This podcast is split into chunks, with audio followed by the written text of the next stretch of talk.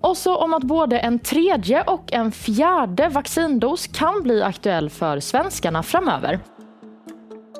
En tredje dos av coronavaccin. Ja, det är en bra idé enligt Pfizer. Deras undersökningar visar nämligen att skyddet mot covid-19 avtar ett halvår efter den andra dosen. Och det är något som redan är på gång i Israel. Och för de allra sköraste personerna i Sverige så kan det komma att bli verklighet redan i höst, enligt statsepidemiolog Anders Tegnell. Samtidigt lyfts kritik mot förslaget. För är det verkligen rätt att rika länder paxar ytterligare doser till sina nästintill fullvaccinerade befolkningar medan jättemånga människor i fattiga delar av världen har en lång väntan kvar till att ens få sin första dos? Men det är ju inte heller bra ifall deltavarianten skapar en fjärde, kanske till och med femte våg och personer i riskgrupper bör bli allvarligt sjuka och dö igen. Ja, det här är en känslig fråga och det är den vi pratar om i dagens avsnitt av Aftonbladet Daily. Jag heter Liv Elgenklöv. Vår gäst idag är Farshid Jalalvand som forskar på vaccinutveckling och bakterier på Lunds universitet. Vi ska höra vad han tycker om tredje dosfrågan. Eh, det är inte så att jag inte tycker det är en bra idé. Jag tycker att det är vetenskapen som måste avgöra om en tredje och en fjärde dos ska till. Inte att man bara utgår från att det behövs en tredje och fjärde dos. Och eh, jag har sett att till exempel Pfizer har gått ut och sagt att de, är, de rekommenderar nu en tredje dos sex månader efter andra dosen. Men Pfizer är ett läkemedelsföretag som har incitament att göra sådana här rekommendationer för att de vill sälja såklart så mycket av sin produkt som möjligt. Och deras produkt är jättebra. Frågan är, behövs en tredje dos? Och då, det är två saker man måste hålla koll på för att svara på den frågan. Den ena frågan är, hur länge håller immuniteten efter två doser?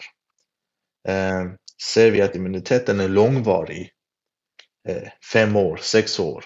Det, det, vet vi inte än i och med att vaccinerna är så, ny, eh, så nya.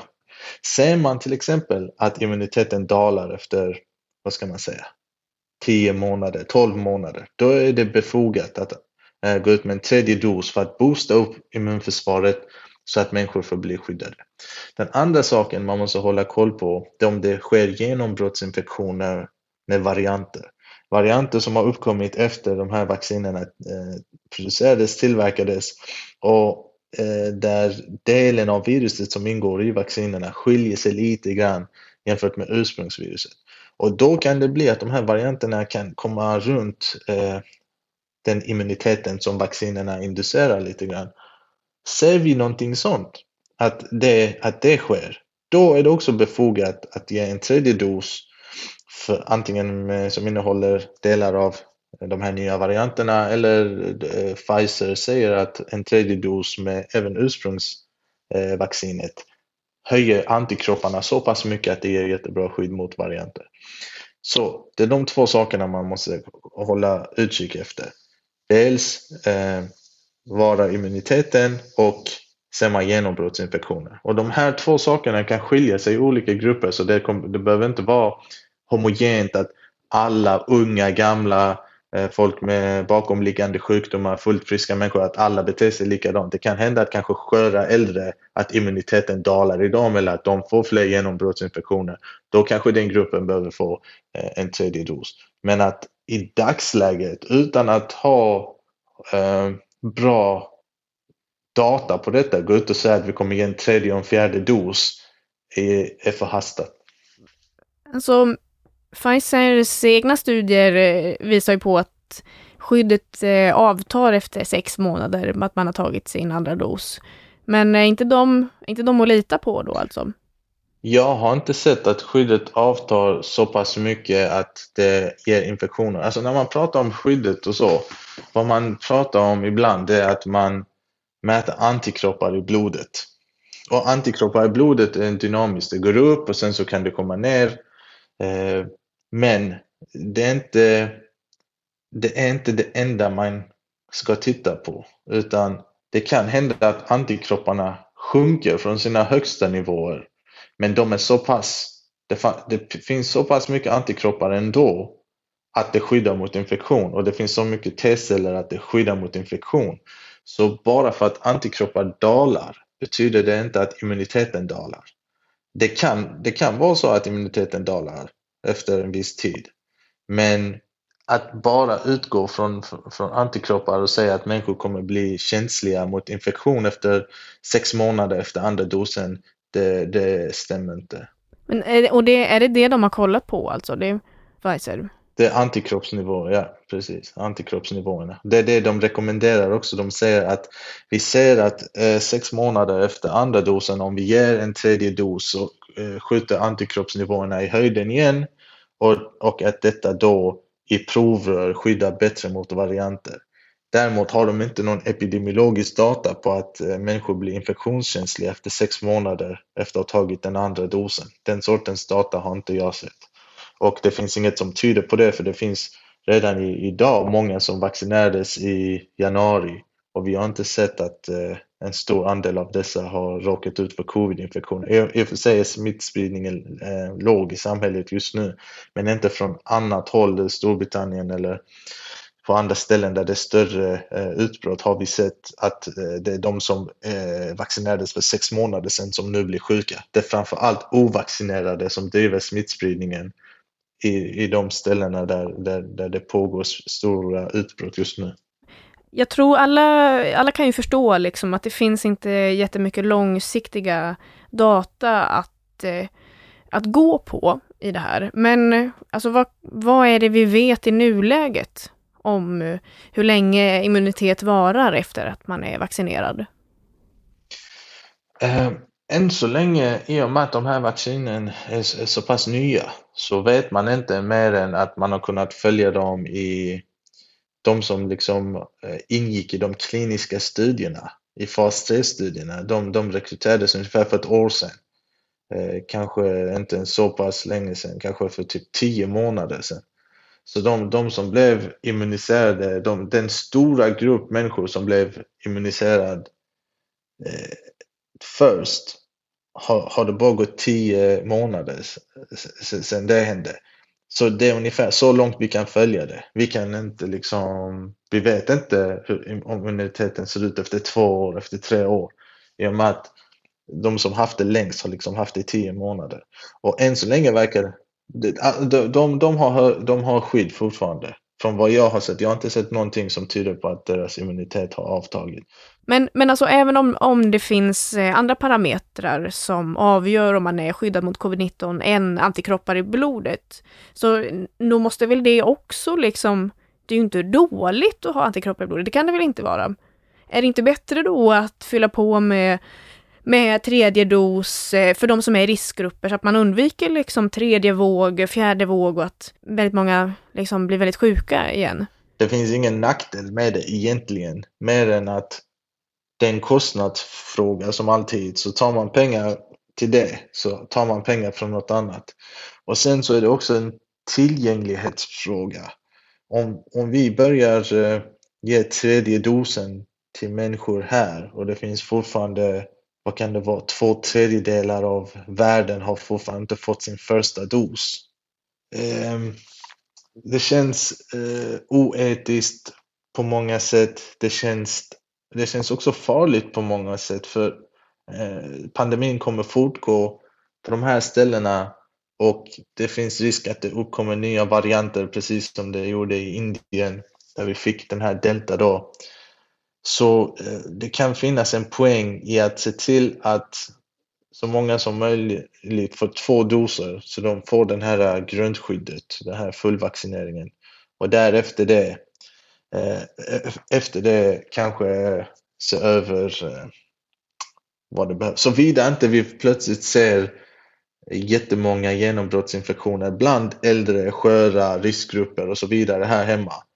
För då kan det vara oetiskt att inte ge dem en tredje dos eh, också. Så det är liksom olika, det är en etiskt dilemma vad, vad, vad man ska göra med alla doser. Och i och med att det är vaccinbrist, vi har ju inte tillräckligt vaccin för alla som vill ha vaccin just nu i hela världen. Men, eh, men Folkhälsomyndigheten eh, menar ju också att, det, att de erkänner att det finns risker för att vaccinskyddet eh, eh kan behöva att förstärkas om det kommer liksom nya mutationer och sådär. Vad, vad, vad tänker du om det? Ja, definitivt. Definitivt. Det är det, det, det som eh, jag menar när jag säger att det är vetenskapen som får avgöra när en tredje eller en fjärde dos blir aktuellt. Ser vi att det kommer en variant som orsakar genombrottsinfektioner eller om delta bara eh, orsaka orsakar massa genombrottsinfektioner. Ser vi att genombrottsinfektioner sker i en specifik patientgrupp. Ser vi att genombrottsinfektionerna sker i eh, eh specifika arbetsplatser. Ser vi att stora utbrott plötsligt börjar eh, ske i grundskolor och så vidare, då måste man omvärdera situationen. Då måste man säga okej, okay, vi har liksom problem här. Vetenskapen visar med all tydlighet att de här två doserna har inte räckt för vissa personer eller tillräckligt eh, många har inte blivit vaccinerade, vad det kan vara. Och baserat på det ska man fatta policybeslut. Man kan inte fatta policybeslut eh, baserat på att Pfizer ger en rekommendation. När du säger genombrottsinfektioner, ja. vad betyder det? Alltså hur, hur förklarar man det på ett enkelt sätt? Genombrottsinfektion betyder väldigt enkelt att en fullvaccinerad pers person blir, får den infektionen som personen är vaccinerad mot. Som en person som har fått två doser eh, vaccin mot covid får covid så blir det en genombrottsinfektion. Men en genombrottsinfektion behöver inte betyda att personen blir allvarligt sjuk. Det kan hända att personer får milda infektioner eller till och med helt asymptomatiska infektioner efter att ha blivit fullvaccinerade. För viruset kommer dit, den kanske hinner eh, sätta sig i, i slemhinnorna innan immunförsvaret eh, gör sig av med det. Och under den tiden, medan den sitter i slemhinnorna, tar man ett covid-test då kommer det visa positivt för covid och då, då registreras det som, ett som en genombrottsinfektion. Då. Men en genombrottsinfektion behöver inte vara allvarligt. Ser vi allvarliga genombrottsinfektioner så måste vi omvärdera eh, läget. Då måste vi omvärdera situationen.